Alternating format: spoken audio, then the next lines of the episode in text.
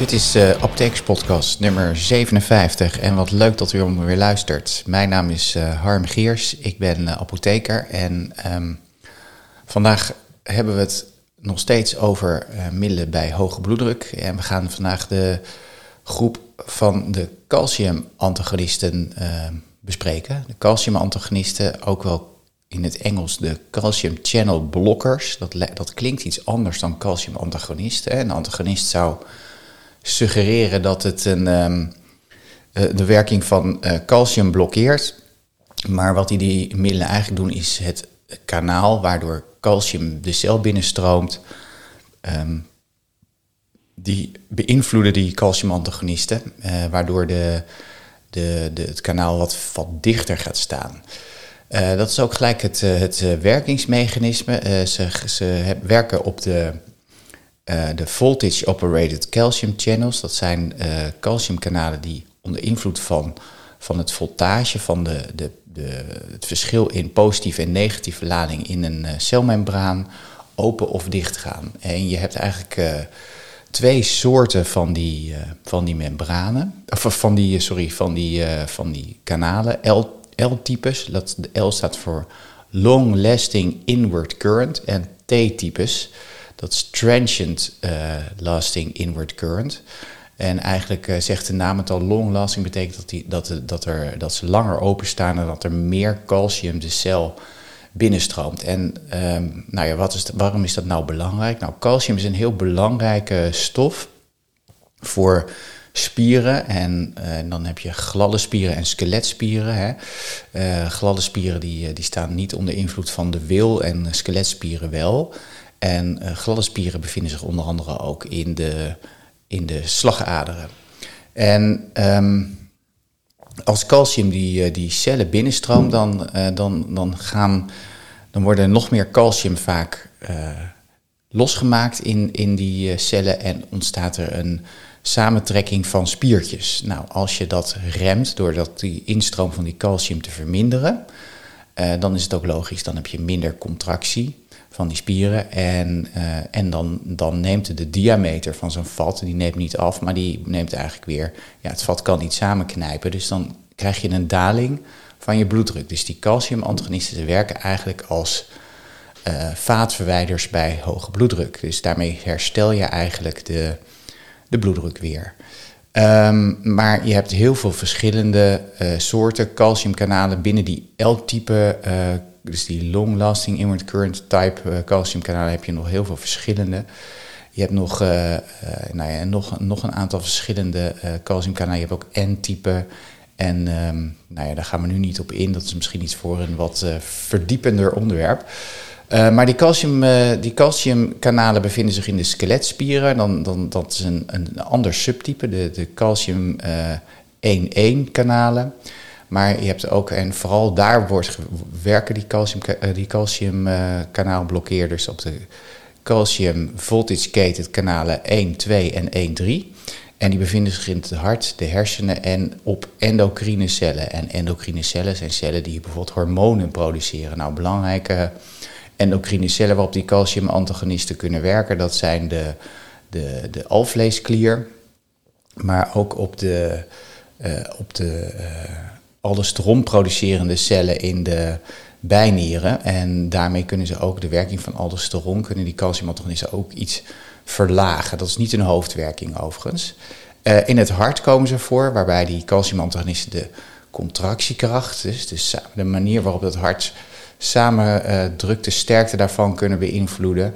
En in de hersenen bevinden zich ook calciumkanalen die hebben te maken met de ontwikkeling van, uh, van het uh, het geheugen voor angsten. En ze spelen ook een rol bij de neuroplasticiteit bij uh, afhankelijkheid van drugs. En nou ja, goed, daar doen op zich deze calciumantagonisten niet zo heel veel, heel veel mee. Um, maar er zijn wel ontwikkelingen gaande om te kijken of daar iets mee gedaan kan worden. Um, in het hart zorgen ze voor dus die calcium voltage gated channels 1, 2, die zich in het hart bevinden, die zorgen vooral voor de contractie. Uh, en, en de 1, 3 kanalen, die zorgen met name voor het ritme, voor de, het ritme in de, in de sinusknoop en de het, de atrioventriculaire knoop. Dat is de knoop die zit, dus het is een soort pacemakercellen die bepalen het hartritme tussen de boezems en de kamers in. En um, daarmee, daar wordt ook gebruik van gemaakt met uh, calcium, uh, calciumkanaalblokkeerders. of calcium, ik noem ze nu maar calciumantagonisten. Um, er is in het verleden, zijn er, er is eigenlijk, eigenlijk zijn al die, die calciumantagonisten die werken vooral op het L-type calciumkanaal. Er is in het verleden ook een middel geweest dat op het T-type calciumkanaal werkte. Dat was Mibefradil of Posicor. Uh, en het, het, een voordeel daarvan was dat het uh, wel de, de, de kransslagaderen verwijde. Dus heel goed werkte tegen angina pectoris, dus tegen pijn op de borst. Uh, niet um, de, de kracht van het hart, dus de, harts, de, de kracht waarmee het hart samendrukt, verminderde. En ook geen versnelde hartslag gaf als je bijvoorbeeld... je kan je voorstellen dat als je vaten in één keer verwijden dat het hart in één keer heel snel gaat uh, kloppen om te denken: hey, de, de, de, druk valt in één keer weg, ik moet die druk compenseren. En dan gaat het hart vaak heel snel kloppen. Dat noemen ze reflextachycardie. En um, dat komt ook voor bij calciumantagonisten, met name die, van het, uh, die, die op die L-type werken en die heel kort werkzaam zijn. Dus die werken dan heel snel. En dan krijg je in, één keer enorme vaatverwijning en dan krijg je zo'n reflextachycardie. Nou, dat is natuurlijk helemaal niet goed als je dan bijvoorbeeld iemand bijvoorbeeld met pijn op de borst hebt dan, um, ja, dan heeft bij een reflextachycardie moet het hart meer zuurstof gebruiken en dan krijg je eerder zuurstoftekort van het hart. Uh, dat mibifradeel had dus een aantal voordelen en dat is toen heel agressief gemarket uh, op de, uh, in, in, in Nederland en, en eigenlijk wereldwijd.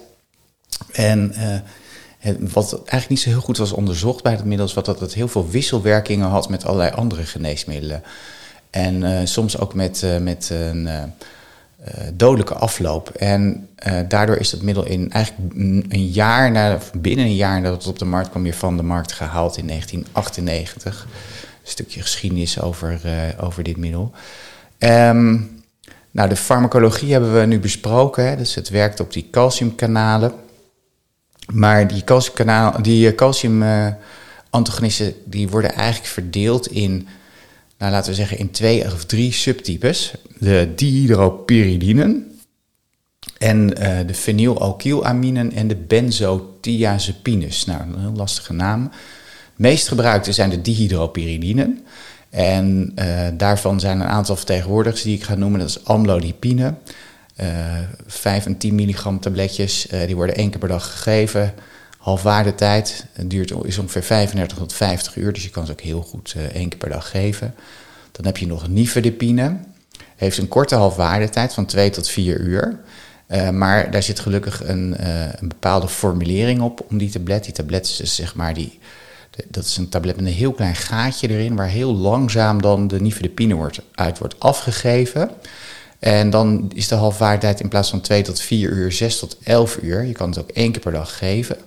En wat heel uh, opvallend is, dat je bij nifedipine wel eens die tablet intact in de ontlasting vindt. En dat komt natuurlijk omdat dat, dat omhulsel, dat blijft er omheen zitten natuurlijk. Dus je, je ziet wel eens een, een, intacte tablet terug. Betekent niet dat die niet gewerkt heeft, maar het is het omhulsel. Uh, dan heb je nog uh, wat in Nederland ook regelmatig gebruikt wordt. en met name is dat heel erg gemarket omdat het... Um, ja, omdat het minder enkel uitdeem zou geven. Minder een van de bijwerkingen van die calciumantagonist is dat je uitdeem krijgt. Uitdeem is, is vochtophoping. En um, wat, dat zich vaak als eerste manifesteert rondom de enkels. En dat barnidipine zou minder enkel uitdeem geven. Dan zie je nog wel eens dat, uh, dat mensen van amlodipine of nifedipine in, in barnidipine worden omgezet. Alleen um, heeft het barnidipine ook een aantal nadelen. Het is ongeveer tien keer zo duur als uh, amlodipine of nifedipine. En het geeft veel meer orthostatische hypotensie. Dat betekent dus dat je veel vaker als je opstaat bijvoorbeeld plotseling een bloeddrukdaling krijgt. En met name bij oudere mensen is dat een nadeel. En uh, het expertisecentrum voor farmacotherapie bij ouderen, de EVOR, geeft ook aan dat barnidipine voor ouderen ook een minder geschikt middel is. Ook barnidipine wordt één keer per dag gegeven. En heeft een halfwaardetijd van ongeveer 20 uur. Nou, verder zijn er nog wat andere calciumantagonisten die je kan noemen velodipine, lazidipine. Ik ga daar verder niet veel op in. Nog één andere die je hebt, dat is nimodipine. En nimodipine is een calciumantagonist die uh, met name heel veel affiniteit heeft voor de vaten in de hersenen. En mogelijk daardoor ook uh, een positief effect heeft bij mensen met een, um, een, een CVA, een, een hersen. Um, of een, een, ja, cerebrovasculair accident.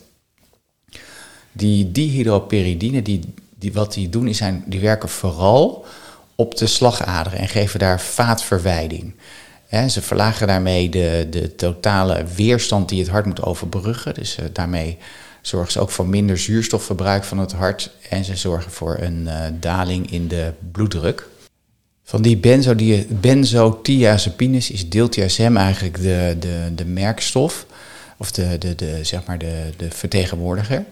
En uh, diltiazem is een middel wat, uh, net als de andere, de fenylalkylamine, waarvan verapamil zeg maar, de stof is die gebruikt wordt, die hebben allemaal, die werken wat meer op het hart. Waarbij verapamil sterker op het hart werkt dan diltiazem. En die hebben alle drie die middelen, of alle twee die middelen, dus zowel veel, verapamil als diltiazem, hebben een, een negatief inotroop effect op het hart. Dat betekent dat ze de contractiekracht van het hart verminderen. Ze hebben een negatief chronotroop effect op het hart. Dat betekent dat ze de, de, de, de, de frequentie van het hart uh, verminderen. En ze hebben een negatief dromotroop effect. Dat betekent dat ze de geleiding over het hart iets verminderen. Die middelen werken dus eigenlijk heel goed bij mensen die vaak pijn op de borst hebben, omdat ze daarmee de, de belasting die het hart moet uitvoeren verminderen. En um, dat heeft natuurlijk een voordeel. Hè? De frequentie wordt minder, waardoor je minder zuurstof verbruikt. Uh, de geleiding wordt minder, um, de, de kracht wordt minder. Er is allemaal minder zuurstof voor nodig. Het nadeel eigenlijk daarvan is dat als mensen dat heel lang gebruiken en er wordt eigenlijk nooit meer naar gekeken, dat ze uiteindelijk, uh, als ze op oude leeftijd zijn of hun hart is iets minder goed, dat ze, dat ze dan uh, dat die middelen dan hartfalen kunnen indiceren eigenlijk. En dat zie ik nog wel eens dat dat gebeurt, dat mensen dus eigenlijk um, benauwd worden, kortademig worden en eigenlijk al jarenlang uh, verapamil gebruiken, met name bij verapamil komt het dan vaker voor. En dat ze dan uiteindelijk uh, blijkt dat ze, dat ze nou ja, hun hart minder goed rondpompt, minder, minder effectief de, de, de bloed rondpompt en ze eigenlijk hartfalen hebben. Eigenlijk dan is het hartfalen eigenlijk geïnduceerd door de geneesmiddelen. Dus dat is iets om, om te evalueren regelmatig belangrijk. Tenminste, zeker als, je op, als, je, als mensen echt ouder worden. En dan praten we over mensen die ja, boven de 75, misschien boven de 80 zijn, waarbij dat het probleem gaat worden. Dus niet bij mensen bij de rond de 60 tenzij ze echt een hele slechte hartfunctie hebben en een aantal hartinfarcten hebben gehad bijvoorbeeld, dan kan dat natuurlijk.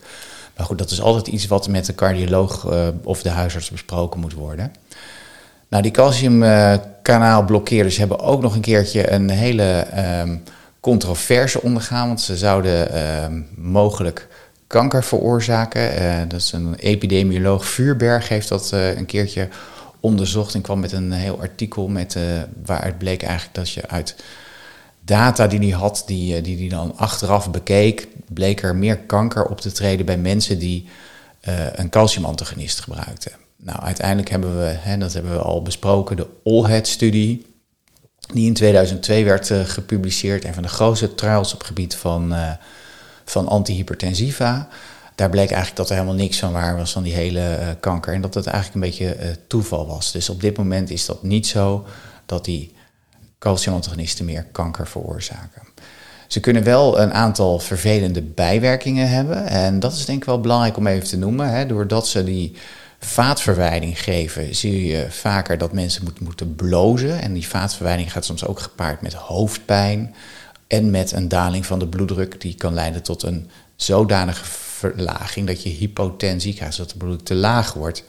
En dan, zie je, dan merk je vaak dat mensen dus ja, minder um, goed aanspreekbaar zijn. Of dat ze bijvoorbeeld als ze opstaan in één keer dat de bloeddruk daalt en dat ze dan duizelig worden of het zwart voor de ogen krijgt, krijgen. En een van de andere dingen die je vaak ziet, dat is, dat noemde ik net ook al, dat is dat uideem, vochtophoping. Uh, met name rond de enkel, maar dat uideem kan ook op andere plaatsen plaats, uh, plaatsvinden. En uh, een van de dingen die wij zien is dat, dat mensen die uideem hebben en dat die daarna, die, die hebben een calciumantagonist gekregen en vervolgens ontstaat dat uideem. En zie je terug in de medicatie dat die mensen plotseling een furosemide gaan gebruiken. Een, een heel sterk werkend, een lisdiureticum, waarbij je heel veel vochtuitscheiding krijgt. Terwijl dat uideem waarschijnlijk een bijwerking is van die calciumantagonist. Dus het is belangrijk om te weten. Het is verder onschadelijk, maar het is wel vervelend. Uh, sommige mensen vinden het ook cosmetisch niet zo mooi, omdat, die, ze dikke enkels krijgen. Uh, wat je verder ziet is uh, bij die calciumantagonisten, is natuurlijk omdat ze ook in de in de darmen die calciumkanalen zitten. En als die geblokkeerd worden, kan dat gepaard gaan met obstipatie. dus dan, eh, die darmen worden dan minder, die contraheren minder, dus die geven minder samentrekkingen.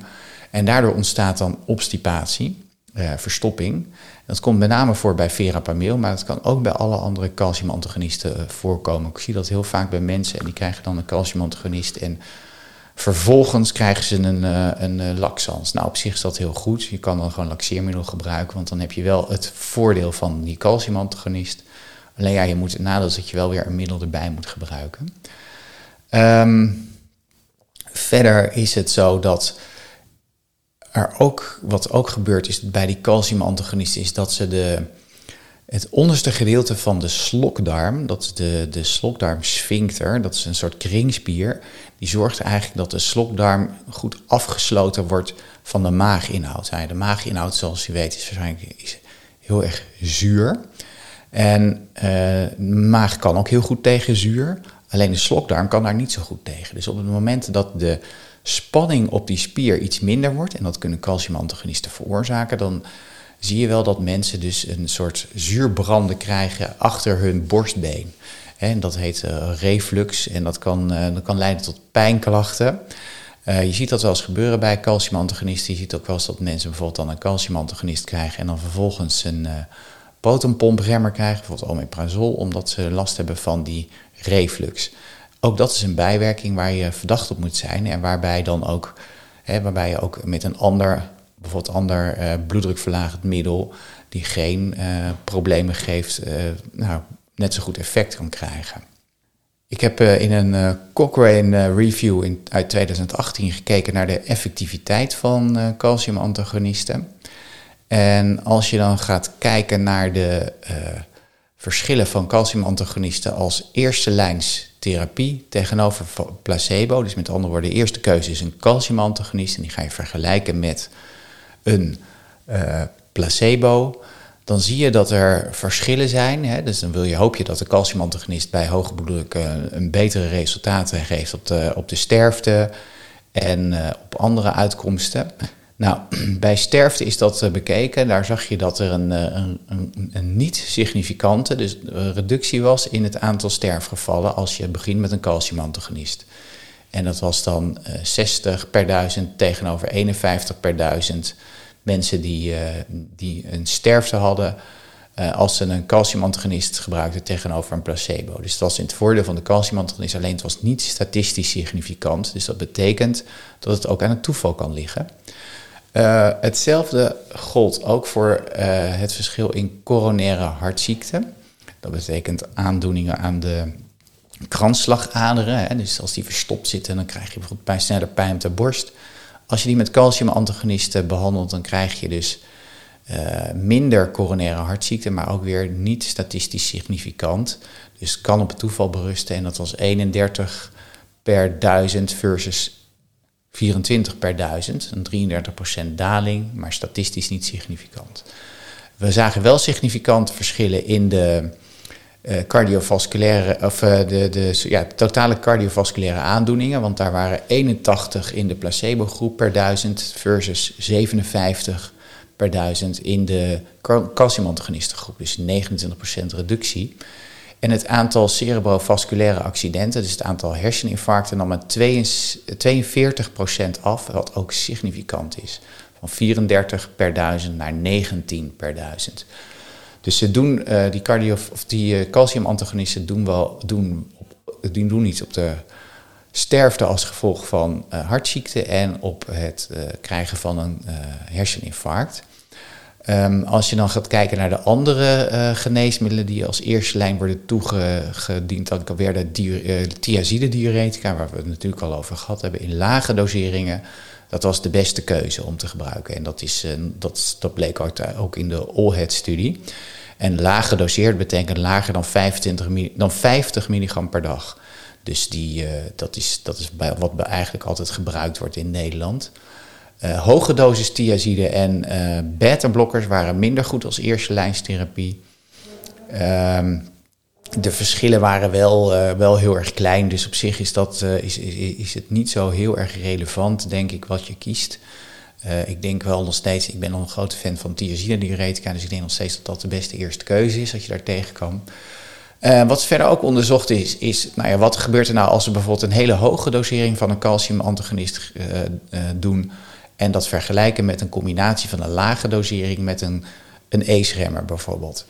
Dan zie je dat er bij die combinatietherapie met een lage calciumantagonist met een ACE-remmer minder uideem gevormd wordt en ook een betere bloeddrukcontrole. Dus het is belangrijk, of het is, dus slimmer om bloeddrukverlagende therapie te combineren. En mogelijk is een calciumkanaalblokkeerder iets beter in mensen van Afro-Amerikaanse afkomst. Dat, dat is ook onderzocht. Nou, er zijn er verder nog voor die calciumantagonisten nog een paar aparte indicaties die ik nu niet genoemd heb, maar waarvan u denkt, hé, hey, ik heb eigenlijk iets heel anders en dan krijg ik uh, een calciumantagonist voor. Nou, je ziet nog wel eens dat calciumantagonisten worden gebruikt bij, uh, bij boezemfibrilleren, of bij atriumfibrilleren. Dan zie je dat verapamil en DIL-TSM worden gebruikt natuurlijk omdat ze de hartfrequentie verlagen. Dus uh, ja, dan het atriumfibrilleren waarschijnlijk ook iets verminderen. Bij angina pectoris, dus pijn op de borst, dat noemde ik net ook al. Hè, de zuurstofbehoefte van het hart neemt dan af. Dus dan, daar, zijn ze ook goede, daar is ook goede therapie voor. En je hebt ook diltiazem crème. Dat wordt gebruikt als mensen een scheurtje in hun anus hebben. Uh, dan smeer je diltiazem crème erop, dan ver, verwijden die bloedvaten. En als je die bloedvaten verwijt, dan, uh, dan herstellen die scheurtjes zich sneller. En je ziet ook nog wel eens bij zwangere vrouwen of bij vrouwen die aan het bevallen zijn dat er nifedipine wordt gebruikt, wordt voorgeschreven door de gynaecoloog als uh, weeënremmer. Dus dat is een, eh, een indicatie die ook gebruikt wordt. Is ook overigens komt niet zo heel veel voor en, en wordt alleen maar gebruikt op, op basis of door een specialist wordt dat voorgeschreven. En daarmee zijn we aan het einde gekomen van de, van de calciumantagonisten. Ik hoop dat u het leuk vond. En uh, mocht u mij vragen of dingen willen stellen, uh, dan kunt u mij bereiken op uh, harmgeers op Twitter of op apothekerspodcast.gmail.com. En ik hoop dat ik u volgende keer weer aan uw toestel tref. En hartelijk dank voor het luisteren. Leuk dat u er erbij was. Tot de volgende keer.